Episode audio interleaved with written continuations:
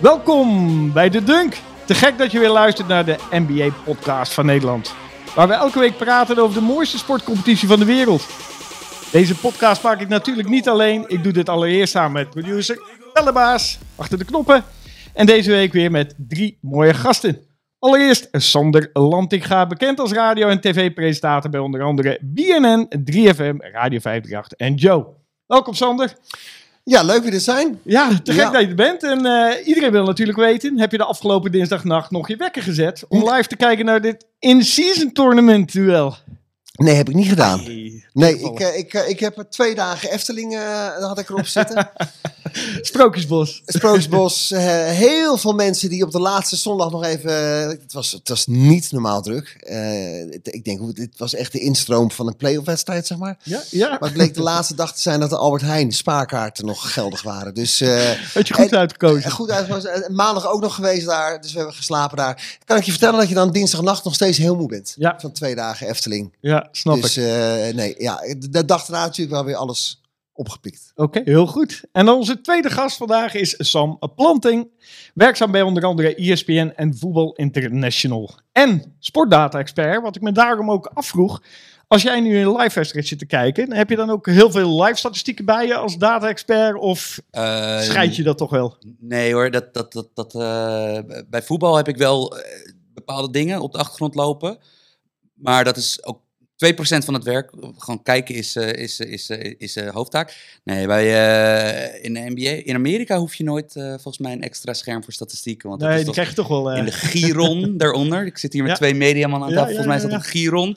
Dan word je natuurlijk doodgegooid met, eh met, met mooie statistieken. Ja, we hebben vandaag ook een paar mooie statistieken die nog voorbij komen. Dus eh, hoor ik graag jouw mening ook weer over. En onze derde gast is zowaar een internationale bekendheid, namelijk Lee Ellis. Oud-presentator van onder andere NBA TV, The Starters en No Dunks. Beroemd geworden met zijn Kobe-interview en zijn drie-punt shootout met, jawel, Steph Curry. En die won hij bijna. Tegenwoordig is hij druk bezig met een opvallend nieuw project. Hij heeft namelijk het idee opgevat om 20 steden te bezoeken in 20 verschillende landen, om al daar 20 pick-ups de games te spelen met allemaal lokale helden. Voordat we met hem inbellen in Atlanta, eh, gaan we daar meer over horen. Maar eerst gaan we even samen afgelopen NBA-week doornemen. En er is één ding dat ik echt met jullie moet bespreken. En dat is Draymond Green. Moet hij niet gewoon de overstap maken naar de Glory Kickboxing en de NBA laten voor wat het is? Want voor wie het gemist heeft, deze Warrior vocht dit weekend al een robbertje met Cavalier Donovan Mitchell. Maar dinsdagnacht ging je echt helemaal los op eh, de Fransman eh, Gobert. En die zette hen een nekklem. Moet eh, Rico Verhoeven zich al zorgen gaan maken? Ja, ik vind. eh, ik, ik, ik blijf altijd voorstander van dat elke sport zijn schurk nodig heeft. En Dylan Brooks heeft het eh, vorig jaar natuurlijk geprobeerd, maar die, moet natuurlijk wel. Moet wel zijn daar waar de actie is. En Dylan Brooks was net niet goed genoeg, volgens mij, als basketballer om zeg maar de, de main schurk te zijn eh, van de NBA. Dus nou ja, Draymond heeft een, nou, binnen een jaar nadat hij zijn teamgenoot eh KO op een training heeft geslagen, is hij weer terug. Nu is het wel zo. eh, dat kunnen we zo meteen. eh, nou, laten we dat maar niet aan Lee eh, voorleggen. Maar volgens mij is Rudy Gobert een van de ehm, meest irritante NBA-spelers die er is. Want het is, het is. Als je in de laatste tien jaar kijkt naar hoe vaak, zeg maar. andere, vooral Amerikanen, zich uit, uit de tent laten lokken door hem. moet hij moet hij wel echt. nou ja, volgens mij tenenkrommend irritant kunnen zijn in de wedstrijd. Ja, maar En ook tegen, tegen teamgenoten. Hè? Ja. Hij heeft ook wel eens Ja. eh, met zijn eigen teamgenoten ruzie gehad in het, Ja. tijdens de time-out. Dus het, is, eh, het is wel weer interessant dat, dat, nou ja, we zijn nog ineens drie weken onderweg en eh, het is weer gewoon volledig high school drama, hè? Ja. The Grassy High. Maar vinden jullie dat dit te ver gaat? Kan iemand eh, een andere speler gewoon eh 20 seconden in een nekklem houden? Is, is, en het is niet de eerste keer. Hè? Vorig jaar ging hij nog op de borst staan van Sabonis. Eh heeft Jordan Poole, een teammaat, Ja. nog vol op de, op de bek Ja, geslagen. hij, hij- kijk, hij, kijk, basketbal moet geen ijshockey worden. Laat ik dat voorop stellen. Waar het natuurlijk normaal is, waar het ook onderdeel van de show is. En waar er ook dan nog altijd wel een soort van respect is. Hè? Het vechten hoort erbij. Daarna geven ze elkaar een box of een high five en gaan ze weer door met de wedstrijd. Eh, moeten ze wel even op het bankje zitten. Ja, ik vind dat een onnodig toneelstukje. Het, het is spektakel, maar het, Ja. het, het maakt de wedstrijd niet per definitie leuker of spannender. En dat, gevecht, dat gaat nergens om. Dus je weet ook wel hoe dat gevecht afloopt. Eh, Ja. Het maakt verder eigenlijk ook niet uit. Dus ik vind dat de NBA vooral niet die kant op moet gaan. Mag natuurlijk wel wat fysieker worden. Dat vind, Ja. ik, dat vind ik geen probleem. Maar er zijn natuurlijk wel echt grenzen. En dat zijn ook de grenzen van respect. En zo'n Draymond Green, ja, die doet het natuurlijk wel om. Je kan onderhuids gaan zitten. Je kan trash talken. Maar... En je kan natuurlijk wel eens een keer wat fysieker worden. Ja. Maar ik vrees gewoon, hij wordt wat ouder. Hij komt, begint tekort te komen, ja, dan gaat hij overcompenseren door, door eh, daarin door te slaan. En het zijn er natuurlijk wel meer. Eh, Dylan Brooks is ook zo'n type. Ja. De, de, de Morris Brothers heb je natuurlijk ook. eh, ja, ik vind dat niet per definitie altijd leuk of Nee. fijn om naar te kijken. En dan, natuurlijk, Maar als we even eh, zeven maanden vooruit blikken. Wolves, ogen echt goed. ja, Ja. Warriors zullen er zijn. Zolang Seth Curry eh, niet door zijn enkel heen gaat, zullen die er zijn in de playoffs. Dit is wel interessant. Want ze spelen pas in het reguliere seizoen, volgens mij pas maart weer tegen elkaar. Dus dat Ja. is lang voor een vervolg. ja. Maar er is natuurlijk wel een kans dat we deze twee ploegen zeven keer op rij tegen elkaar Zeker, zien. zeker, zeker. Nee, ja. kijk, maar dit is zo'n speler, die wil je in je team hebben, maar je wil er vooral niet tegen spelen. Nee. En Ja. de vraag is, willen wij ernaar kijken? Ja, Maar het is wel zo, kijk, het is tenminste niet, wat volgens mij de doodzonde in de NBA is, is als je als reus, waarvan natuurlijk elk team er drie of vier of vijf heeft, je mag natuurlijk nooit de doodzonde begaan dat je een kleiner iemand aanvalt. En het is wel zo dat Draymond is natuurlijk, hij kiest ze wel altijd, Ja. Rudy Gobert is twee koppen groter dan hem. Ja. Dat, eh, Ja, eh, het is een basisscholier die naar het voorzet onderwijs gaat vechten. Ja, ja. Ja, En eh, nou ja, Rudy Gobert had, had, had- is natuurlijk sowieso is een beetje een drama queen zelf. En die had dus na afloop een vrij stekende theorie van ja, toen ik zag dat Curry uitviel, wist ik al, oh, Draymond eh, die, die, die Ja. gaat proberen van het veld gestuurd te worden. exact. Ehm, wat natuurlijk wel. Het is natuurlijk in de NBA altijd als je tegen de Warriors speelt. Raymond Green heeft de grootste back. Maar het is natuurlijk wel altijd het verwijt. Het makkelijke verwijt is bij hem van: joh, je bent niks zonder die twee. Ja. Van, je, je bent toch van je hebt daar al je titels aan te danken. Ehm, ik vind dat volgens mij een beetje te simpel. Maar het is Ja. natuurlijk wel een goede manier om iemand uit de tent eh, eh, te Maar vinden jullie vijf wedstrijden straf die de NBA nu heeft opgelegd vandaag eh, te veel, te weinig of wel passend bij wat hij gedaan heeft? Ja, je moet even kijken, wat, de, wat is de jurisprudentie? Hoe, ik, Ja, ik weet nog die, die, eh, die deal van Jokic, hè, van de Morris en Jokic. Hoe dat, Ja. Ik weet niet wat daar de, toen de fine of de, Nou, de het voelt straf dat het hier een beetje een optelsom is. Vooral Ja. de dingen die hij de afgelopen Ja, en jaren het is verkeerd natuurlijk gedaan heeft. ook, hij heeft een, volgens mij een vrij populaire podcast zelf, waarin hij Ja, ja, de boel ja, ja. heel vaak op scherp zet. Bijvoorbeeld Ja. laatst had hij ook weer over de nieuwe Ja. CAO's, zei hij van Ja. het was dat, dat de NBA een hekel heeft aan meerdere sterren op een team. Dus het is wel altijd zo, de, de, de, de relatie volgens mij tussen de, de, de, competitie en Draymond is niet super. Nee. Hij heeft natuurlijk ook in de meest bekeken wedstrijd ooit in die serie tegen de Cavaliers, toen James nog zat, heeft hij ja, ja, gewoon eh, in primetime in iemands, dus de superster in zijn ballen geschopt. Dus Ja, het is ja, natuurlijk, ja, het blijft ja. sowieso altijd een, een ingewikkeld. Ja, en ook figuur. een gevoelig ding blijft ook nog wel. Bij de All-Star Game van de afgelopen jaar wilde hij ook Gobert niet introduceren. Ja. Toen hij bij TNT Ja. zat, ook zoiets. Ehm, ik denk eerlijk gezegd dat het bij hem toch, dat, eh, dat is hetzelfde als eh, Rodman vroeger en, en, en noem alle, alle onder, eh, Bill Laimbeer en noem alle Ja. andere stukken. Ja. Het is natuurlijk wel uiteindelijk gewoon een, het wordt een optelsom van wat iemand op en naast het veld doet en zegt. Ja, Eh, dat je, je, je kan bij hem inderdaad niet op mildheid gaan rekenen. Nee. nee. Maar het, is, het, is, het, het heeft toch inderdaad eh, hoe, hoe de gunfactor, likability.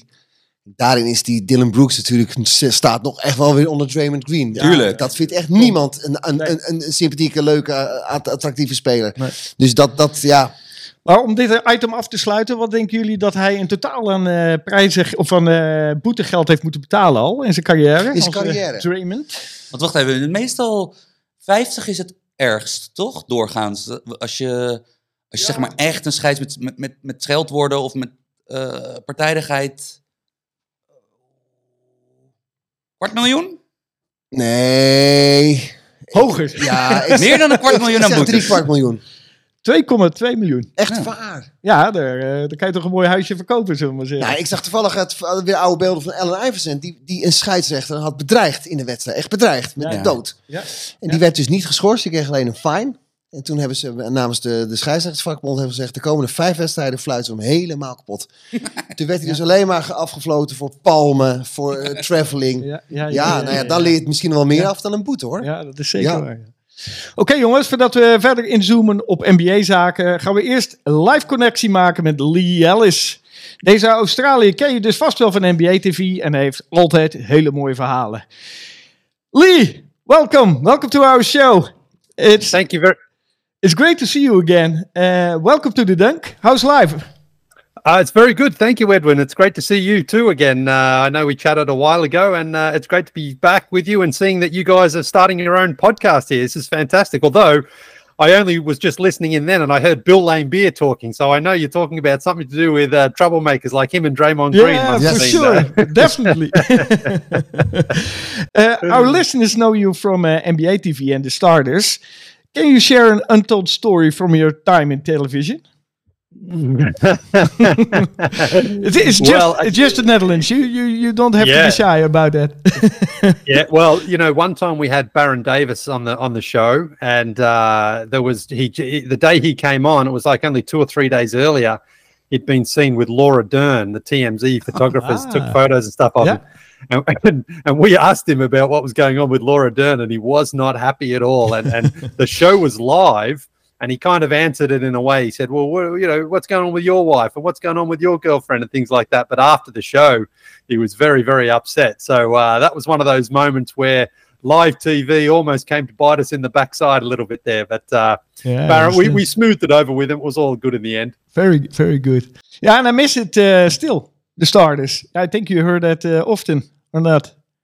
Yeah, absolutely. Um, you know, it's been nearly this is the fifth season that we have not been on NBA TV, Yeah. and with what I'm doing right now, traveling around playing basketball, it's quite incredible just how many people remember the show, love the show, watch the show, uh, and and connect me to it. So it's very flattering that we had such an incredibly uh, you know broad audience around the world, and and and it's it's been really really awesome. So we know it was, was uh, a show that a lot of people I think related to because we weren't former professional basketball players. We're literally just like what you guys are doing right now, just guys talking basketball, having fun. Yeah. And we just happened to uh, sort of strike it lucky and get on NBA TV there. So I think that sort of speaks, though, to the appeal of the game around the world. A- Anywhere you go in the world, people love basketball. Yeah yeah, true. And after NBA TV, you moved uh, to the Athletic for the uh, NBA podcast No Dunks. Uh, was the transition from daily television to a daily podcast a significant change for you? Yes, it definitely was. I mean, uh, TV is fun and TV is cool. It's great to be on TV and, and talking about it. But then one thing that does restrict you somewhat on TV is the timeline. You know, you've only we only had 22 minutes of actual airtime every day to try to debate things like the Draymond Green suspension of five games and and and you know debate all those things. So you do feel somewhat constricted in that sense. When you're on a podcast, there's no real time constraints. I mean, you don't want to go on for too long. You don't want to speak for three or four hours. People will tune out. But it certainly gives you a little bit more flexibility and freedom to really divulge and, and debate and discuss things like that. So, you know, I think, look, I'll be honest, I, I do miss being on TV. It was it was cool. It was yeah. it was great to be able to say to people, hey, I'm on NBA TV. Yeah, But in terms of in terms of debating basketball or any topic really, I think a podcast is just a better platform for it because sometimes you need more than just and you know three minutes to discuss Draymond Green's yeah, history. Yeah, yeah, yeah. yeah, for us it was uh, even uh, difficult to uh, talk about it for uh, more less than ten minutes. So that's that's completely true. Yeah. Now you're doing something really intriguing uh, with leespickuptour.com.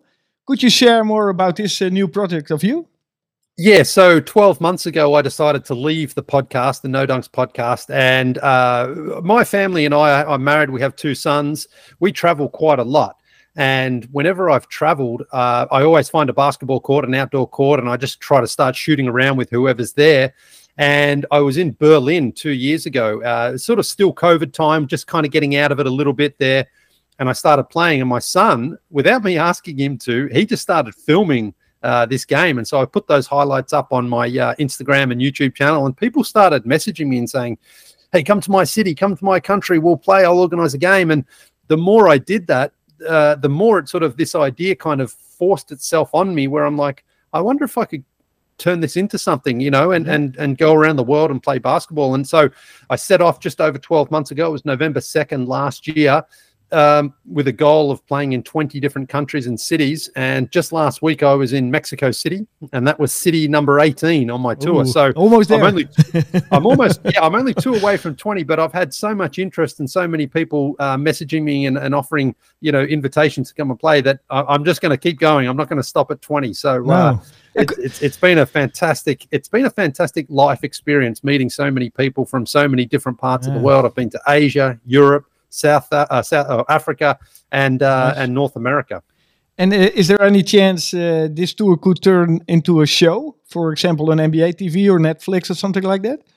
Th- that's the ultimate goal. Yes, Oh, I- nice. I'm hoping. Yeah. That, I'm hoping that uh, one of those platforms. It doesn't really matter which one to me. Amazon, Apple, NBA TV, anyone really. I'm, I'm Yep. hoping they will see what I'm trying to do here and, and turn it into a docu series. I mean, that's where I could really use the help is from a production standpoint. You know, if I had Yeah, a proper producer, camera crew, editorial crew, and things like that. All I'm doing right now is kind of taking my phone and saying to someone, "Hey, can you Yeah, just yeah. shoot this?" And I'm trying to tell the stories. So, uh, you know, it's it's look, it's uh, that's the ultimate goal. That's my Everest right Yeah. now, where I am. I'm trying to I'm trying to get that to uh, you know a bigger platform, and and hopefully I will. Yeah. And is there a big difference between all the cities compare with basketball, or is just basketball everywhere in the world the same? Well, I mean, obviously, you know, once you're on the court, it's the same, but there are certain different rules and styles that you play. Like, for example, in the Balkans, I was in Slovenia, Croatia, Serbia there. It's all three on three half court. No one really plays full court five on five. Um, I, I do actually think, and what I have learned, I think three on three basketball is a better format for pickup basketball because it's a bit shorter. You're you're you're involved in almost every play at both ends of the floor. Uh, you know, both sides of the ball, I should say, because it's offense and defense. Um, uh, but then within each country, there are slightly different rules. Like in Croatia, for example, once you score, the other team takes it in from the end. Whereas most of the time when I've played Yeah, half court basketball, you take it back at the top and you check it, and it's make it take it. So there are certain little things like that that I've uh, I've learned along the way. But ultimately, basketball is a language, and that's what I've really found, uh, especially in countries.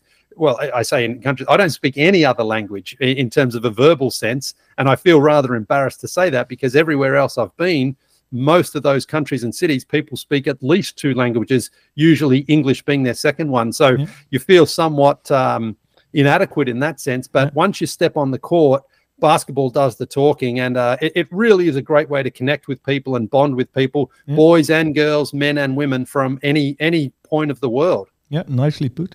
And did I hear correctly that you had an interesting encounter uh, with uh, Doncic's father, involving some drinks, or even better, a lot of drinks, or not? yeah, that, that is true. yes, Please tell. yes. Um, well, because Sasha Doncic doesn't give many interviews, but uh, I had a friend in Slovenia, and I just said to him, you know, do you think he would talk to me? And he said, well, he doesn't do much, but I'll ask him. And Sasha kindly agreed to an interview, so we had an interview. And then he said to me, "Do you want to come out for some Slovenian barbecue?" Which, of course, uh, I mean, who would turn down an offer like that? And and I I thought it was going to be you know a dinner and a glass of wine or two, and then you know somewhat of an early night, but uh, it was well past midnight when we were still drinking and eating, and I was so full. I'd eaten so much, I'd drunk so much, I just rolled out of the restaurant and found my way back to my hotel. I had to get up early the next morning too. I was going to Zagreb on a bus. I hadn't packed. I Oh, didn't know where I was. I was drunk. And you, you uh, almost had a fight, or not? Yeah, well, so a guy tried to fight me. Yeah, some Yeah, yeah. some crazy guy came out of nowhere in that restaurant and basically was screaming and yelling at me, and and, and I didn't know what the hell was going on. But Yeah. fortunately, Sasha was there to kind of diffuse the situation. Now he's a big guy himself. I mean, Lucas six seven, Sasha must be you know a minimum six five, and he's a heavier guy too. So fortunately, he was able to uh, smooth things over. But it was um, look, I love traveling. I love the unexpected and the unplanned things. But occasionally, you find yourself in a spot where you're like, Yeah, oh, yeah, I, yeah. you know, I hope I hope I can get out of this one. But uh, I, I survived okay. Yeah, well, very good, very good. And for our Dutch NBA fans, uh, what's the best way to follow your uh, adventurous basketball uh, adventures? So I'm trying to be on all the social media platforms: Twitter, Instagram, uh, TikTok, YouTube, Facebook. Uh, I think that's all of them. And and for the most part, it's just literally my name, Lee Ellis, L E I G H E L L I S on TikTok. Add 76 on the end, and I think the same on YouTube there. But um, for the most part, I'm, I'm on those ones, and I try to put the content out on on all of them. And I will say, I've had many people from, uh, particularly Amsterdam, reach out and, and say, "When am I coming there?" I can guarantee you, I will be there at some point. Uh, I just haven't yet been able to sort of figure out the, the dates of it. But uh, I think I said to you last time, Edwin, when I was on Amsterdam, Amsterdam, Barcelona, and Rio de Janeiro are probably my three favorite cities in the world in no particular order. So uh, Uh, I, uh, Lee. I, I, yes, big fan over here. Um, at this point, I would adv- uh, like to officially challenge you to a free throw contest at the Museumplein in Amsterdam. It's around the corner. Yeah, it's around Yeah. the corner. Yeah. We are, It's literally a two-minute walk from our studio. I, I'm happily to accept an, any invitation at any point to go to Amsterdam or to, to go to the Netherlands for any reason. I can say yes to. I, Okay. There's no no Great. need to convince me. There's no need to have to uh, persuade me to come. I'll come winter, summer, spring, autumn, anytime. I've had I've been several times, and I have such affection for the city, for the people, the food, uh, and now I've been challenged, so I have to return. And can you do me one favor? Of Uh, course. could you bring your two plants in the background then? Very good. Yeah, but before we wrap up, Lee, uh, Sander shared his favorite NBA jerseys uh, last week. Uh, Sam will do this later. Uh, uh, what is your all-time favorite NBA jersey? I people who are looking for via YouTube Yeah. probably have an idea, but please explain. Well, well, this was a very hard one because uh, my two favorite play, well, outside of Michael Jordan, my two favorite players are Akeem one, and here he is in the classic Rockets Yeah. uniform, uh, which they don't really wear these ones anymore. The old McDonald's ones with the yellow and red and white there, and then I also have I have a second one here, which is my favorite. Also, uh, where is it? Yeah. Manu Nice. Ginobili, the San Yeah. Antonio Spurs. I, I definitely prefer this jersey, this Hakeem one jersey, but Manu Ginobili and Hakeem Olajuwon, those two guys after Michael are my favorite players of all time. So uh, it's it's both of those. But I definitely have an affection here for this Hakeem Olajuwon Rockets one. I think this says so much about just 90s basketball. And of course, Olajuwon won two championships, was the MVP, Defensive Player of the Year. I was so happy when he broke through and uh, and, and became a champion. So uh, these these are my two favorites, but I could have chosen so many more. Yeah, I understand. But nice choice. Very good choice. Always a pleasure uh, talking to you, Lee. Uh, thank you so much for now and have a good one. And uh, we will meet at the Museumplein uh, where you beat uh, Sam. hey, hey, I, I, I, I'm, I'm looking forward to it. I can't wait. Oké, thanks Lee. Bye bye. Thanks, guys. Bye. Have a good one. Ja, heren. Dat was Lee. En we hebben nu ook een, eh, een, eh, een eh, uitdaging staan. Ja, binnenkort. Lee is net zoals ik een, een, een vervent voorstander en prediker van dat je je vrije worpen moet oefenen en raakschieten. Ja. Dus dit kan, een, eh, dit kan een lang gevecht worden. Ja, want hij heeft eh, wel eens tegen Steph Curry heeft hij een driepunt shootout gedaan. Die won die bijna. En hij heeft het eh, nog eens een keer proberen te halen. Maar eh, ja, maar goed. Als je tegen Steph Curry een beetje bij kan benen, dan, eh, dan kan je het natuurlijk wel, dit spelletje. Ehm, terug naar eh, de afgelopen week. We hebben het al over eh eh, eh, Draymond Green gehad. Maar er is nog iemand die ik graag met jullie wil bespreken. En dat is Therese Maxey. Hebben jullie een Ja. beetje eh, kunnen volgen wat hij voor elkaar heeft gekregen? Hij heeft zelfs 50 punten gehaald eh, afgelopen weekend. En dat was eh, sinds het Iverson-tijdperk een, eh, een, een, een point guard in eh, Philadelphia niet meer gelukt. Dus dat wil wel wat zeggen. Ehm, mij begrijpt toch constant het gevoel, die eh Maxi is gewoon goed gaan spelen omdat hij harder weg is. Ja. Is het lek nu boven bij, eh, bij eh, Philly en gaan ze meedoen om de prijzen? Of is dat weer een eh, brug te ver? Nou, het lek is wel boven. Het, het, het, het- ze staan er ontzettend goed voor. Ja. Ze staan bovenaan, z- wat is het, 8-2 geloof ik nu? Of Ja. ach- eh, 7-2. Ehm, toch heb ik wel het idee dat, dat Embiid het vooral wel toch allemaal in zijn eentje moet gaan doen. Of dat nou voldoende is om, om eh, 82 wedstrijden en dan nog eens eh 49 maximaal.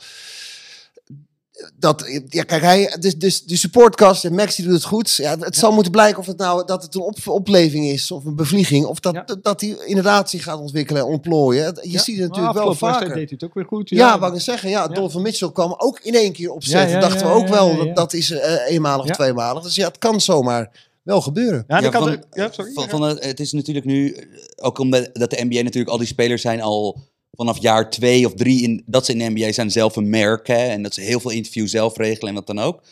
Ik durf echt, met gewoon enig gevoel voor hyperbol te zeggen, denk dat ik eigenlijk van de actieve NBA-spelers dat er geen sympathieker interview te vinden is dan eh Tyrese Maxey. Het is onvoorstelbaar Ja, hoe slim ja, die gast is en hoe geobsedeerd hij is met beter worden. Maar op een, zeg maar, op een niet eh, eh, look at me Louis-achtige manier. Dus meer gewoon dat hij er echt... Dit is iemand die er echt duidelijk voor leeft. En ondertussen is wel... Is dat het interview bij NBA Today wat je bedoelt? Oeh, nee, nee, nee. Het was, het was, iets, la het was iets, iets langers. Maar in elk geval, het was... Het was eh, eh, ik denk in elk geval, hij was ook heel eerlijk over, over dat, hij, eh, dat hij het heel moeilijk vond dat Harden opeens, dat, dat, nou, dat er eigenlijk zonder veel tamtam van tevoren, dat hij opeens van positie moest wisselen. Ja, Want hij ja, werd natuurlijk off-ball guard, terwijl eh, nou ja, de, zijn, zijn, beste kwaliteit zijn volgens mij als hij gewoon aanvallen mag initiëren, en dat hij zelf mag bepalen of, of, of het een, of het een score-heavy wedstrijd voor hem wordt, of dat de bal veel rondgaat. Ehm, maar hij was daar eigenlijk al heel eerlijk over. Ja. En dus eh, het vertrek lijkt voor hem inderdaad gewoon. eh, Dit, dit, hij is volgens mij nu een. ja, maar het is sowieso qua vibes. Is, eh ehm, wat is natuurlijk Harden trekt altijd drama aan. Hè? Het is makkelijk altijd om op hem te zeiken, omdat hij natuurlijk ook passief Heerlijk. Hij is passief en hij is prikkelbaar. En niet een heel benaderbare ster. Maar dit lijkt wel echt dat, dat dit team echt genoeg van hem had. Ja, Want- Maar heb, je- hebben jullie, dat vond ik het nieuws van deze week. Die, die eh, Dallas eh, commentator, die een soort van tirade houdt. Heb je op beeld? Ja. Die zegt, you're the problem, Harden. En eh, dan Ja. somt hij in twee minuten, vanuit de grond van zijn hart, vanuit zijn tenen, zegt hij... Je begon bij, eh, en dan wilde hij weer daar. En dan moest, en dan moest een nieuwe trainer komen. Die kwam. Je kreeg, en dan wilde hij naar je. Toen, toen zag je de bright lights van de Nets. Toen wilde hij weer naar New York gingen. En dat werkte ook niet. Toen dacht je, ik ga naar Philadelphia. Ah, En op een gegeven moment eindigt hij. Harden, you are the problem. Op een gegeven moment ook tegen Philadelphia wilde hij veel meer de bal hebben. Nou, en toen bloedde hij het met negen punten in game 7 in de playoffs. Ook, hij krijgt het natuurlijk niet voor elkaar. Nee, hij is ook het probleem. Vaak is hij het probleem. Ja, dat is ook een lijn met jouw eh, geliefde Barkley. Die zei van, eh, er is maar één oplossing. Harden moet eh, op de bank gaan zitten. Je wil Harden uiteindelijk er niet bij hebben. Nee. Want alles wat je bedacht hebt, alles waar je op traint, alle tactieken die, Ja. die je in je hoofd hebt, hij, hij, maakt, hij, hij, hij gooit het overhoop. Nee, en het, de mooiste statistiek om dat te illustreren is misschien nog wel van Leonard. Die heeft zes wedstrijden nu achter elkaar verloren sinds Harden er is Ja, eigenlijk. Die heeft nog nooit in zijn hele carrière zes wedstrijden achter elkaar verloren. Nee. Maar wel sinds hij met Harden speelt. Daarom, eh, en Kobe zei nog destijds, eh, met, met het basketbal van Harden word je gewoon geen kampioen.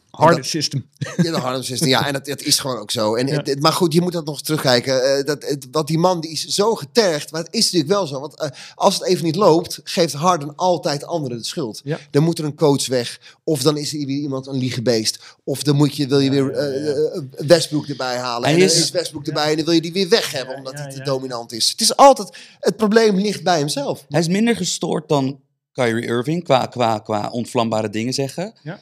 Maar ik denk wel dat het dezelfde, dat er heel veel gelijkenissen zijn. Hè, van dat dit, nou, Kyrie heeft dan nog die ene titel waar hij de winnende score ook nog eens maakte. Maar Harden is denk ik in de NBA en zeker in de generaties die hierna komen van mensen die obsessief naar die sport kijken, is hij een superheld. Want hij heeft zeg maar ehm, op meerdere technische gebieden van hoe snij je een pick-and-roll aan, hoe decelereer je? Als je bijvoorbeeld ziet, hè, dat, dat is nu helemaal een ding geworden. Dat sterren zijn niet alleen goed in versnellen, maar ze zijn ook goed in vertragen. Kijk, Doncic is ook zo. Maar dat is allemaal door Harden overgenomen. En hij heeft natuurlijk nou, eh, de techniek, zijn voetenwerk op stepbacks. Dat zijn allemaal dingen die nu de komende drie generaties doen hem na. Ja. Zoals mensen vroeger de passing van Bird nadeden of no-look passes van Magic. Eh, Harden heeft op heel veel technische gebieden, net zoals Kyrie met zijn crossovers en, en, en zijn, en, en zijn circus layups. Van hij heeft, technisch gaat hij een enorme invloed hebben op het spel. Maar je ziet wel dat hij. ehm, ja, het blijft natuurlijk een sport waar de sterspelers ego wordt opgepompt, wordt opgepompt, wordt opgepompt. En ik ben dan ondertussen wel eigenlijk einde van de Houston-periode wel, wel van overtuigd geraakt dat je nooit een titel gaat winnen hiermee. Nee. Omdat ehm, als één iemand Ik vond 60 wel- pick-and-rolls moet aanvallen in een wedstrijd, je weet gewoon dat de rest van het team basketbal wordt minder leuk. De bal moet rondgaan. Nee. Ja, en uiteindelijk is hij natuurlijk, eh, ben ik helemaal met je eens wat hij zegt, hè, techniek. En hij kan het wel, het, Ja. is, het is een superster. Alleen, soms moet je ook zo gedragen. Dan moet Ja. je het team bij de hand nemen. Dan moet je een, voorbeeldfunctie, een leiderrol gaan aan. En zeg je, oké jongens, we gaan het zo doen. En juist op die momenten doet hij het of alleen, of hij geeft gewoon helemaal... Dan, zeg maar, hij heeft ook kortsluiting wel eens. Niet zoals Draymond Green die fysiek wordt, maar gewoon dat hij, dat hij uitgaat. Dat het gewoon stilvalt.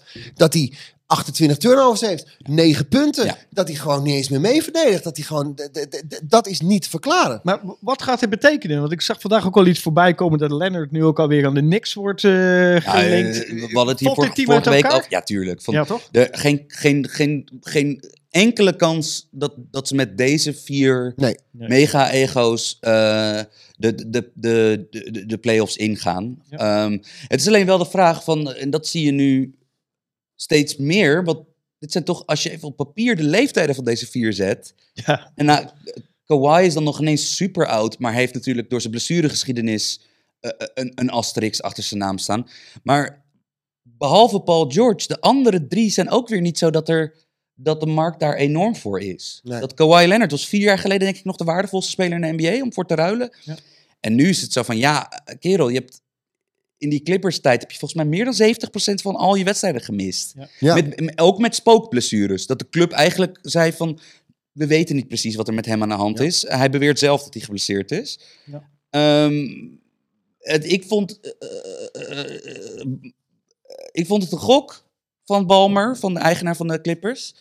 En ik denk eerlijk gezegd, eh, ik zie hier ook voor me Ja, dat ze nu... Pelle even op beeld. Het is wel een goeie. Ja, dat ze, ze samen een eh, coulante, ik reken even 80, 125. Waar is, waar is Russell? Oh, zelfs met Russell Westbrook die gratis speelt, zijn ze een, een coole 130 miljoen aan salaris per, kwij- eh, per jaar kwijt aan dit viertal. 195.000. Ja. 195 miljoen, sorry. Ja, voor het hele team, toch? Ja. Ja, oké, voor de starting five is dat inderdaad zoiets, ja. Maar, eh, en mijn hemel, dat loopt nog op ook het jaar hierna. Dat, eh, En eh, met, met zulke bedragen heb je het erover of je het eh, play-in eh, tournament gaat halen of niet. Ja, en je hebt het dus, we zien hier Pa- Paul George 33, Kawhi 32 met een blessure asterix, Harden 34, eh, Westbrook 35. Ja. Dus het is een, en volgens mij dit voelt als gegokt en verloren van Ja, de maar ze Clippers. verkopen wel veel shirtjes. Dat dan weer wel. Ja. Dat dan weer wel. Ja. ja, dat, is, dat is zeker waar. Maar om ons eh, Clippers eh, verhalen en ons eh Philly verhaal af te maken, dan hebben jullie het nog meegekregen van eh, Kelly Oubre Jr. Dat hij, dat hij aangereden Ja? was. En dat TMZ, eh, TMZ had vanochtend zijn deurbelbeelden. Ja, nee, de- de- Gekocht. heb je het ook Gekocht? meegekregen, Sander? Ja. Nee, heb ik niet meegekregen. Nou, hij is aangereden. Dus Ja. ja. Aubrey Junior is eh, net komen spelen eigenlijk bij Philly. Is aangereden door een auto. eh, redelijk eh, beschadigd geraakt als een linkerzijde. Zou sowieso tot eh, december eruit liggen. Maar nu kwam TMZ inderdaad eh, Sam, eh, met het verhaal dat er helemaal op die plek, dat heeft de politie lopen uitzoeken, dat er helemaal geen sporen zijn van een aanrijding. Dus nu is de vraag, wat is er met hem gebeurd? En nu hebben ze een deurbelbeelden van, eh, van zijn appartement gezien, dat hij op een crossfiets gehavend eh, binnenkwam lopen. Dus nu is de speculatie, wat is er gebeurd? Maar het is dus geen auto-ongeluk. Dus ook in Philly is er weer genoeg drama, denk ik. eh, Ja, volgens mij is dat Oubre ook bekend als volgens mij de knapste speler in de NBA. Dus dat is, ook- dat, dat, dat, Oh dat is natuurlijk ook kattenkruid voor TMZ. Wat nog wel wat... Ja, ja, ja. zelfs op een crossfiets. Ja, zelfs op een crossfiets. Een man van 30 op een crossfiets. Oké, cool. Kelly. Ehm, maar eh, volgens mij is eh, TMZ nog wel wat heftiger dan, eh, dan privé of story Ja, hier. zeker weten, ja. Volgens mij liggen die nog echt ouderwets Ja. in, de, in de bosjes. Ja, en die kopen dus gewoon conciërges om. Ja, ja, Want ja, ja, ja. Ik zou het niet super cool vinden als mijn deurbelbeelden worden Nee. verkocht. Nee, bizar hè? Nee. Echt bizar. Maar eh, vorige week kwamen we er ook een beetje achter dat Sonder en ik geen grote Warriors-fans zijn. Maar jij wel. Dus deze vraag ga ik ook even naar jou stellen. Eh, Wiggins is het een beetje kwijt. Green, ja, die moet op enge management. We hebben dan ook nog Curry, die natuurlijk geblesseerd is. Wat mogen we nou nog verwachten van de Warriors Ja, jaar? het mooie, het leek dus dat ze echt aan het van, van ze leken dus echt terwijl ze die, die geweldige spelerskern van, van Curry, Clay en Green hebben, leken ze een echt tweede plan. Maar eigenlijk is dat helemaal mislukt. Hè? James Wiseman met de tweede pick ge- gedraft, nou ja, die lijkt op weg uit de NBA. Hij zit al lang niet meer bij de Golden State Warriors, maar die, die, die lijkt überhaupt, ehm, eh, die speelt volgend jaar bij Venerbatje. Ehm, eh, eh, Jonathan Kuminga en Moses Moody waren de andere twee. Die dan samen met, met Jordan Poole, wat, Ja. wat dus een, een, een, een, beetje een ego-tripper bleek te zijn. Dus die hebben ze ook al weggedaan. En dan, ja, ja. Ja. Ze hebben nog Kuminga en Moody over. Ik heb ze laatst zien spelen live. Dat viel, ehm, dat viel niet mee. Nee. Dat, eh, qua, dat je denkt van... Oh ja, dat zijn nog jonkies, maar dan opeens van nee. Maar ze hebben wel al gewoon 200 wedstrijden ervaring achter hun naam. En dan, ehm, dus ik ben benieuwd dat het is... eh, ze komen zover als Steph Curry op zijn volgens mij 35ste, 36ste kan eh, brengen. Maar dit, dit lijkt... Ik denk niet dat dit een Golden State jaar wordt. Nee. Eh, eh, ja, dus heel misschien zoals, zoals, twee, jaar, zoals twee playoffs geleden. Dat je een... eh, een, eh, dat, dat Curry gewoon weer full Super Saiyan eh, modus moet gaan. Maar Ja. anders, dit, dit team lijkt nu wel een beetje inderdaad beetje, eh, eh, richting... eh, ja. Ja. En hebben jullie nog naar de clash tussen Wemby en eh, Chat gekeken? Heb ik gelukkig nog- niet. Ik zag eh, wat ik. Ja, het was een blowout volgens mij, het was inderdaad een wedstrijd met 40 punten verschil. En Ja. ook dat Ja. onze beide. We, we hebben ze vorige week helemaal de lucht in geprezen. En dat, Ja, eh, Dat, dat ze allebei hun zwakste wedstrijd van het seizoen. Eh, ik heb beter naar de Efteling gaan. eh, Nou, maar toch vind ik de Spurs... nou goed, we hebben het vorige week over gehad. Het- het- het- was ook niet de week van de Spurs, hè? Nee, nee, helemaal Het niet. gaat in één keer, ja, of, of het nou echt perceptie is, maar ik vind het wel hard, hard achteruit gaan. Dus die hype een beetje gaan liggen. En nu zijn we allemaal iets kritischer. En nou, ik denk wel toch, god, ja, het is wel echt Wembanyama. En dan is er gewoon helemaal verder niks. En Wembanyama kan het echt niet alleen. Nee. Ik vind ik de, de, de Thunder, het was inderdaad niet zo'n goede wedstrijd. Maar dat, dat vind ik wel echt meer sprankelen. Veel, veel Ja, leuker hoor. Mooi, leuk Ja, team hoor. Maar wat we zeiden vorige week al, ook inderdaad de, de Wolves. Al die teams die, die, die 10, 12 jaar geleden altijd stijf onderaan stonden. ja, Zijn allemaal bijzonder goed leuk aan het ballen hoor. Ja. Ja. en die kunnen wel eens hoge ogen ga- gaan gooien in dat in-season tournament. Ja. Want eh, Miami staat bovenaan. Eh, inderdaad, eh, de wat kleinere teams doen het goed.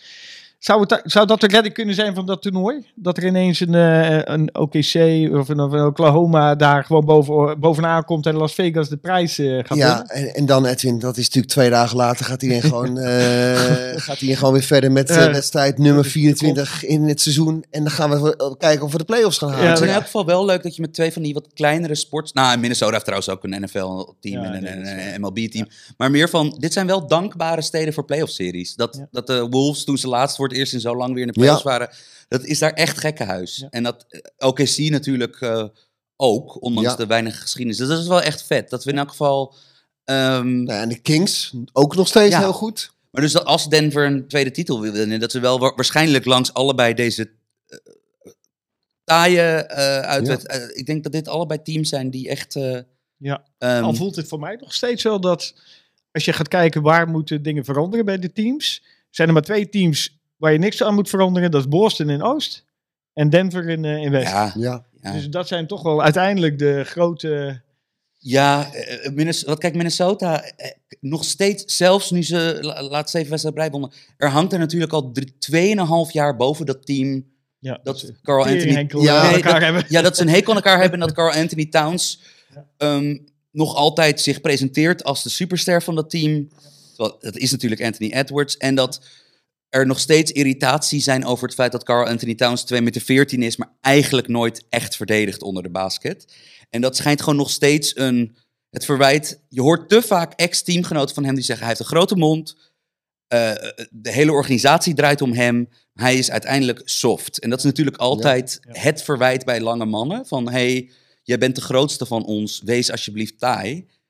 Eh, daardoor ook wel natuurlijk de boel werd op scherp gezet door Rudy met een Rudy Gobert een echte center erbij eh, te halen. Die evenveel geld als, hij, als hem moest verdienen.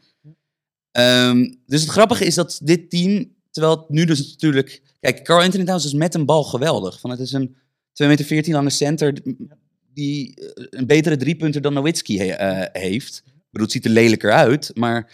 ehm, eh, interessant, want het kan dus nog altijd imploderen. En dat is inderdaad bij al die teams is er nog steeds van, nou ja, je zag eh, Sacramento zonder De'Aaron Fox is Ja, het is gelijk minder. Ja, een ander team. Memphis lijkt gewoon niet meer eh, Nee, al die Morant debakels eh, Ja. te boven zijn gekomen. Ja. En dat is natuurlijk wel een verschil met, eh, ja, in de, in, de pri- in de drie of vier primetime wedstrijden die Denver dit jaar heeft gehad, zie je gewoon van ja, Ja. dit klopt wel heel erg aan alle kanten, toch? Van Ja. dat er zoveel... Nou ja, en ik wil toch nog even, want ik verbaas me over het feit dat, dat Dallas het ook zo goed doet. Ja. Want Ja. die hebben natuurlijk qua team Ja. niet heel veel erbij gekregen afgelopen zomer. Nee. Nee, maar daar voelt toch ook wel... Gaat die verdediging het houden? Ik nou denk- ja, dat vraag ik me ook af. Maar Ja. ze staan, dus het gaat dit, dit, dit, dit jaar bijzonder goed. Eh Nou is het een goed tandem, hè? Ja. Eh, Kyrie en eh, Luca. Ja. Maar die moeten echt met z'n tweeën doen. Maar ja, zolang het werkt, werkt het. Ja. En je ziet ook, Irvin eh, zat de laatste wedstrijd vannacht eh, zat hij eh, op de bank. Hè, was eh, Ja. was eh, geblesseerd. Eh, en dan eh, gaat het gewoon door waar ze gebleven Ja, waren. Hè? ja. Het is niet dat het... eh, dit, is degelijk wel.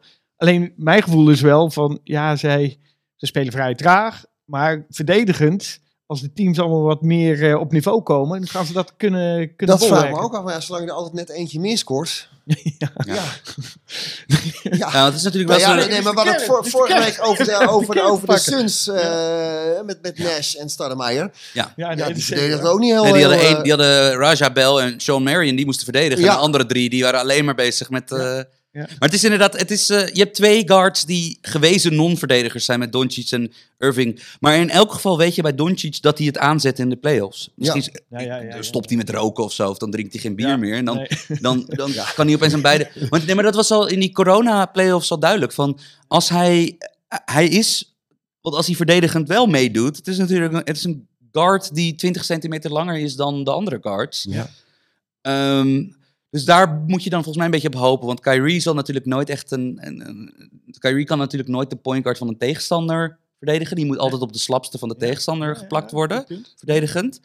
Maar wat, wat Sander zegt van, het is wel zo, altijd gewoon er eentje meer scoren dan een tegenstander. Je hebt wel denk ik twee van de vijf beste één op één spelers in de hele competitie in hetzelfde team zitten. En je hebt een uh, Doncic die misschien nog beter zelfs een Curry gewoon van, vanuit alle hoeken, standen, rangen, eh, die, die, die drietjes erin schiet. Ja. Met groot Dat is een gemak. wapen hoor. Hey. Ja. Maar dat geldt ook een beetje voor de Suns. Die hebben we ook nog niet zo vaak besproken. En die doen het nog niet zo goed. Maar daar gaat de motor toch op een gegeven moment ook aan? Of eh, denken jullie niet? Ja, eh, ze moeten mij nog zien te overtuigen dat dit niet eh, Brooklyn 2.0 is. Want Ja. je, je hebt voor 150 miljoen aan salaris per jaar voor drie spelers. Ja. Ik bedoel, Kevin Durant is natuurlijk een, een, een, een, een legende die een van de tien beste basketballers aller tijden zal, zal, zal zijn uiteindelijk. Eh Booker, het was al zijn, nou ja, Booker heeft bijna de, die club al een titel bezorgd. Ja. Ik begrijp nog steeds niet helemaal dat je dan Bradley Beal voor zoveel geld Ja. haalt en dan een po- positie zet waar hij nog nooit heeft gespeeld. Nee. Dus ik, ik, ik moet dit nog zien, ook verdedigend. Eh, eh, want het is natuurlijk wel zo tegenover ehm, één LeBron, Wade en Bosch super trio. staan natuurlijk echt de laatste tijd wel heel veel super trio's. Waar je denkt van ja, oh sick. Gewoon drie All-Stars in Ja. één team pleuren. Ze gaan 150 punten per wedstrijd scoren. En dat de werkelijkheid dan Tegenwoordig, ja. want dat is het, ik, ik weet niet, ik heb bij, ik heb bij Phoenix ruikt, ru- het ruikt, het ruikt erg hiernaar, toch? Er, er- het heeft een geurtje, dat team. Ja, ja die- Nou, je zou nu dan wel al iets, eh, 10, Ja, 12 ja, wedstrijden ja, ja, ja. onderweg, toch, toch, toch wel wat, wat aanknopingspunten Ja, ja. moeten zien. En dat ik, is. ik ben bang dat je wel gelijk hebt, maar ik voel nog wel een soort tipping point. Dat als het een beetje gaat klikken, dat ze toch een opmars gaan maken. Ja, en ze kunnen naar fitheid wijzen. Hè? Ze hebben nog bijna nog volgens mij geen, enkel, geen enkele keer een wedstrijd zonder eh, dat er minstens één van de vijf... Precies. Basisspelers Dat geblesseerd, ook eh. speelt in Oost, zeg maar. Dat, dat, Ja, dat ja, geldt bij hun ook. dat, daar verwacht ik nog wel echt Ja, een tipping point. wel, hoor. eh, Dat begint gaat nu al een beetje te draaien. Ja, En ja. als, als ze allemaal terug zijn, Jared Allen erbij. Ja. Misschien dat Rubio nog op zijn oude dag iets kan. Laten Ja, en je hebt in het oosten gewoon, een leuk team je hoor. hebt in het oosten gewoon echt vier deukteams, minimaal. Dus, En dat heb je in het westen, heb je dat niet. Want ja, Portland gaat actief opgeven dit jaar, dat merk Ja. je aan alles. Ja, ja, ja. ja. Maar zelfs Houston is nu gewoon oké. Houston is hartstikke leuk. Dat Sterker is nog, ook die- leuk, dan moet je ja. kijken. Ja, de, de, Dat dus echt, eh, het- dat wordt wel. Eh, Ja, die, ik bedoel, die, die Sengun, die, die, Ah, die joh, die- center, ja, jongens. ja, hé. ja, dat is Ja, vet, ja. hè? Waar komt die nou vandaan? Als je, als je een tip wil hebben wat je, Druk je moet, hem. wat je, Ja, wat je moet kijken, je moet echt Houston kijken. Dat is gewoon Ja. erg leuk om te zien. Maar dat is ook iemand hoor, die voorop in de strijd gaat. Ja, ja, en, ja, ja, en, ja. en ook toch behoorlijk kan basketballen. En, Ja. ja. Ja, en, en ze- het hele team aan uh, meeneemt. Ja, zij spelen echt basketbal eh, zo, waar het leuk is om naar te kijken. Ja. Het- ze winnen niet altijd, maar als ze een beetje geloof gaan krijgen, gaan die echt nog wel hoge ogen gooien. Wie had dat verwacht eh, trouwens? Maar Nou, ik las toevallig ook een, een commentaar dat, dat men het wel over eens is dat dit, dit jaar. Het het gaat zeker niet zeggen dat het aan het eh, dat toernooi ligt, maar het, iedereen is fit. Ja? los van, van een beetje links-rechts. Maar het, het- er zijn geen gescheurde truisbanden. Iedereen is fit. De, de teams zijn best gelijkwaardig. Dit kan wel eens even e- een van de leukste seizoenen in, in eh, Ja. jaren worden. En die play-in is natuurlijk. Zelfs een team als Houston, wat vorig jaar volgens mij 75 Ja, ja. wedstrijden of Ja. zo verloor. Ja. Ja. Zelfs die kunnen er gewoon, als, ze, als ze starten zoals ze starten. Dat wij alle drie hier zeggen van wow, eh, oké, iedereen heeft daar een stap gezet, al die jonge Ja. dudes. Ja. Ze hebben er in elk geval zin in. Dat is Ja. ook al natuurlijk een, in een Ja. avond op avond eh, sport een, eh, een, een, een, handige vereiste. Ja. Het lijkt in elk geval dat heel veel teams het idee hebben dat ze de play-in kunnen halen. Nou, precies. Kijk, je hebt gewoon twee, daar hadden we het net over. Ja. Je, hebt, je hebt de Nuggets en Boston. Dat, dat zijn de gedoodverfde favorieten. Een droomfinale. Je hebt eigenlijk aan de onderkant alleen de Blazers. ja. Waar ik gewoon echt niks in zie dit seizoen. Nee. En alles ertussen. Maar de Wizards. De Wizards. Nee, in het eh, oosten, in het oosten wel meer, maar in het westen, wat, wat Nou ja, maar laat ik zegt, zo zeggen, Ja, je ziet, gelijk, ze- je je hebt ziet ze wel gewoon toch, Ja. toch weer winnen. Ook, Ja. ook de, de, de Celtics verliezen bijvoorbeeld van de Kings. Ja. Uh, eh, d- dus het... het Ja. ja, Ik denk wel dat Chicago een. eh, een ik denk dat die, die, het volgende team dat echt actief gaat opgeven is denk ik wel Chicago. Want die zijn natuurlijk nu ook Levine aan het shoppen. Want Ja. dat is natuurlijk altijd met die clubwatchers. Als die iets brengen, zonder dat er echt nieuws is, dan is dat dus gewoon heel duidelijk een 1-2'tje met dat de club zelf eh, he- of het kamp van de speler heeft gelekt van hey, we zijn aan het voorsorteren op een transfer. Ik, ik blijf er trouwens bij dat Zach Levine nou echt een speler is waarmee je geen titels wint. Van, eh snap je, die gaat 28 punten per wedstrijd voor je scoren en Ja. netto ga je erop achteruit. Nee, maar dat, zijn altijd, je hebt, dat is in de voetbal ook. Dus je hebt gewoon je, beloftes, die zullen hun hele carrière een soort van belofte of talent blijven. Maar je moet, je moet het wel gaan verzilveren. Dat is, vind ik Carl Anthony Towns ook. Dat Ja. vind ik. Ja. eh, Bijna Levine. 30 al Dat ook. is- dat is- ook Dat is een goede inderdaad, want die, die is inderdaad al volgens mij halverwege zijn carrière, voorbij halverwege zijn carrière. Ja, en nog ik denk nog steeds, met- het is een talent. Dat men- dat mensen erover hebben zeggen, hij is echt een talent. Ja, je, je bent fucking 29. Ja. Ja, Ja, talent ben je als je 22 bent. 100%. Maar Houston wel knap, hè? Want, want eh, ehm, eh, toch weer een hoge draftpick, Jabari Smith. Wat gewoon, dat lijkt een meebasketballer te worden. Goeie verdediger hoor, daar niet van. Maar eh, dus op een, op een plek in de draft waar je eh, hoopt een superster te, te, te, te vangen, eh, weer een teleurstelling. En dus het vette is dat, dat hun sterren zijn eigenlijk de spelers die ze zelf hebben dooropgeleid. En je ziet dat dat model iets, volgens mij is dat wat houdbaarder dan ehm, zoals, ja, of zoals de Spurs de loterij per ongeluk winnen met, met. Wembanyama. Dat, dat volgens mij is dit door gewoon ja, een team helemaal opnieuw te laten beginnen en dan een, een cultuur te creëren. Ja. Eh, want je ziet nu ook volgens mij met Oklahoma en Minnesota dat dat eigenlijk, eigenlijk veiliger is dan gewoon jaar op jaar op jaar op jaar slecht blijven en dan maar hopen Ja. dat die volgende megaster bij jou eh, eh, als rookie komt. En dat is wat, eh, wat de Blazers nu hopen, dan denk ik. Ja. Ja. Die gaat nu al aan het tanken. Ja. Ja, terwijl die hebben natuurlijk historisch gezien, van die hebben eh, Michael Jordan over het hoofd gezien. Ja, Die hebben eh, eh, Kevin Durant laten liggen voor een center die eh, volgens mij nooit ook maar één wedstrijd op een gezonde knie heeft gespeeld. En die hebben vervolgens met Brandon Roy nog een superster Ja. gedraft en die, diens knie hield het ook drie Ja, jaar allebei vol. de knieën gingen eraan. Ja, dus het is wel ongelooflijk. Eh, ik vind dit heel riskant voor een team met deze geschiedenis om weer de- Ja. deze roulette eh, te willen. Overigens is, eh, vond ik, eh, hoorde ik laatst, leuke fun, zijn jullie van een fun fact? Graag. Ja, Het enige team in de. NBA dat geen basketbal in de logo heeft. Ja, is het. want het is. Wat is dan de Dat joef? zijn, Wat is zijn de die, joef? die, die, die drie lijnen, Ja, rood, ja. drie lijnen. Dat, het, het, het, Oh, ik dacht dat het een bal in actie was. het is, gewoon, eh. het is een, een, een soort van zeer, maar het is niet echt een basketbal. Goed, hè? Oh, wat goed, ja. Nou, die, die pakken we gewoon even mee. Wat? Wow, dit is sick. Oké. Eh, Misschien Capella, de man die... eh, die Achter de knoppen. Ja. Meneer Baas, achter de knoppen. nou, dan gaan we even op beeld tonen. Oh, shit. Wel, Ja, wel ja. een echt classy logo. Ja. Maar dit is Ja. geen basketbal. Nee. Nee. Dit is, dit is eigenlijk als SBS Dus, met SBS Sander- 6 met SBS 9 gaat. Sander, ik heb, twintig, ik heb twintig jaar lang gedacht dat dit een, een voorbijzoevende basketbal was. Maar nu je het zo... het- Ja, het is, een, het is gewoon een... eh, Formule 1 logo. ja, ja. eerder. Ja. Vette tenues wel. Oeh. Ja.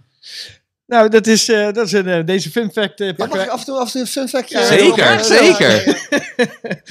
Ehm, even, nou, we hebben de afgelopen week gehad. eh, de komende week. Daar staat weer redelijk wat op het programma. Morgen nacht is het de Spurs tegen de Kings. Zondagavond, dat is wel leuk, dat is op onze tijd, is het de Nets tegen de Sixers. Zondagnacht heb je nog Dallas tegen de Bucks. Eh, lijkt mij wel een leuke wedstrijd. Ja. Dinsdagnacht heb je nog Lakers eh, tegen de Jazz. Die wordt ook op ESPN uitgezonden. Jouw zender, eh, Sander. En donderdagnacht eh Bucks tegen Boston. Dat lijkt me ook een, eh, een Ja. mooi affiche.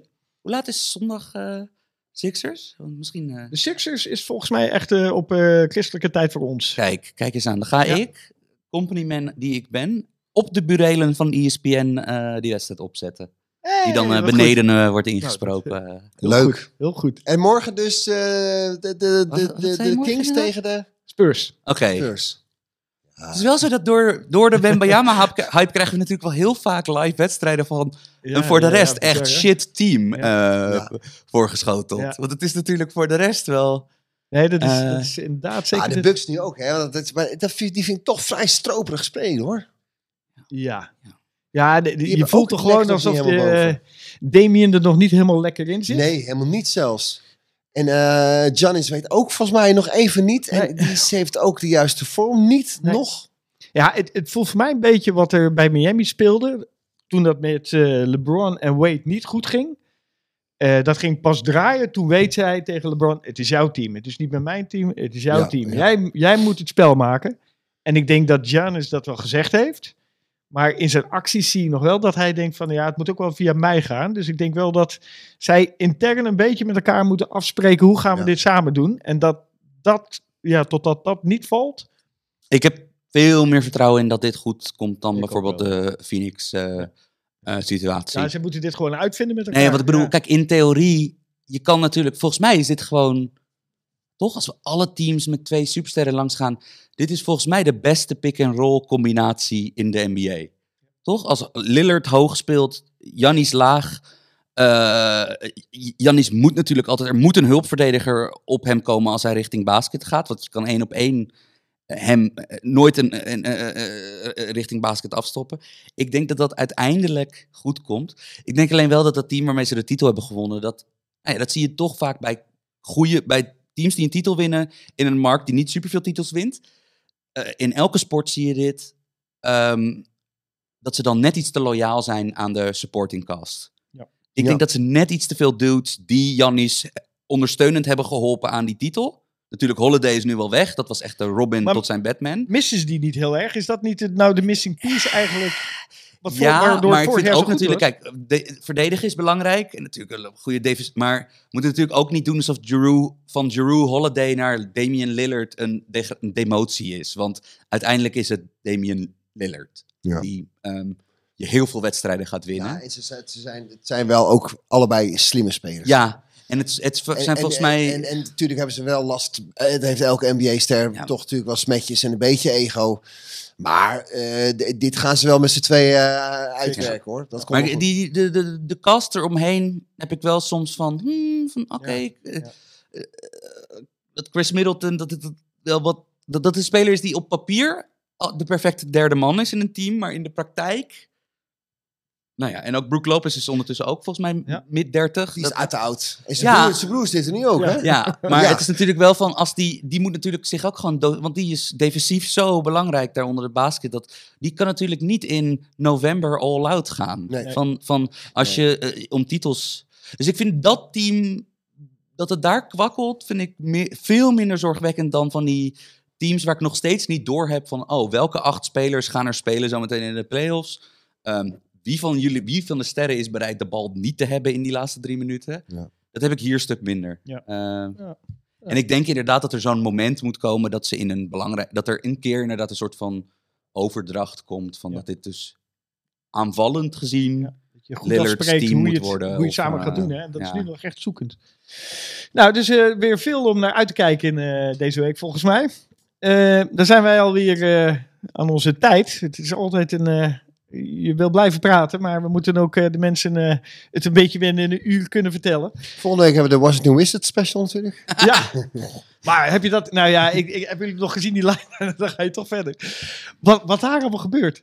Eh, dan staat een eh, coach iets uit te leggen en die Jordan Poole loopt gewoon eh, weg en die gaat gewoon praten. eh, er is gewoon complete chaos in. Er is zo'n heerlijke compilatie altijd op social media te vinden van dat Jordan Poole, zodra er zeg maar een Instagram hottie op de eerste rij zit, dat hij dan hard gaat, Ja. 43 punten scoort. Ja, ja, ja, ja. Maar dat hij is, volgens mij, als je zeg maar een comedyfilm maakt waarin de, de, de sympathieke trainer zijn team niet weet te bereiken en de arrogante sterspeler moet leren dat, dat er één bal is en vijf spelers. Dat Jordan Poole is zeg maar de lul van een sterspeler die het maar niet wil begrijpen. Het is echt zo stereotyp. Ja. Dat heb je toch ook, elke generatie heb je wel een paar van die, van die types toch? Ja. Ja. Swaggy P had je ook zo'n... Zo Ja, maar dat is natuurlijk... Kijk, Ja. En bij Swaggy P, die omarmde volgens mij nog zijn eigen gekte nog wat meer, toch? Van, van- Nou, op een gegeven moment moest hij wel, want dan was het echt Ja, eindelijk... ja, Hij een drie punten, en hij hij is- zich om en mist Maar dat. dat, je hebt ja. een paar van die gasten. Kijk, dat, in die zin, we hadden begonnen met Draymond Green. We zullen ermee eindigen. Kijk, de, de- iedereen koos partij voor Jordan Poole. Want je slaat je teamgenoot niet. Maar we weten natuurlijk god niet wat er allemaal gezegd en gedaan is. Nee. Misschien verdient hij wel een corrigerende tik. Swaggy P, die ooit een keer door de paparazzi buiten een discotheek werd opgepakt. Of werd, werd opgewacht. En dat een van zijn vrienden zei eh, legalize it. Van, oh, over, eh, over, over wiet waarschijnlijk. Maar dat eh Swaggy P toen riep naar de aanwezige cameraploeg. Legalize cocaine. Oh, dat ja, iemand ja. die 20 miljoen verdient per jaar. Die dan dit namens je Ook club. handig, ja, ja, ja. Nou, daar dus volgende week meer over. Over de Wizards en alle, alle calamiteiten daar. Eh, Sander, Sam en Lee aan de andere kant van de oceaan. Heel veel dank voor jullie aanwezigheid weer in dit heerlijk uurtje lullen over de NBA. Voor alle luisteraars, tune volgende week weer in via YouTube of je favoriete podcast app. Voor alle informatie, bijvoorbeeld wie er volgende week te gast is, check onze socials op dedunk.com. En als je opmerkingen of vragen hebt voor onze gasten, mail ons dan op dedunkpodcast.gmail.com. Dank voor nu, tot de volgende keer en play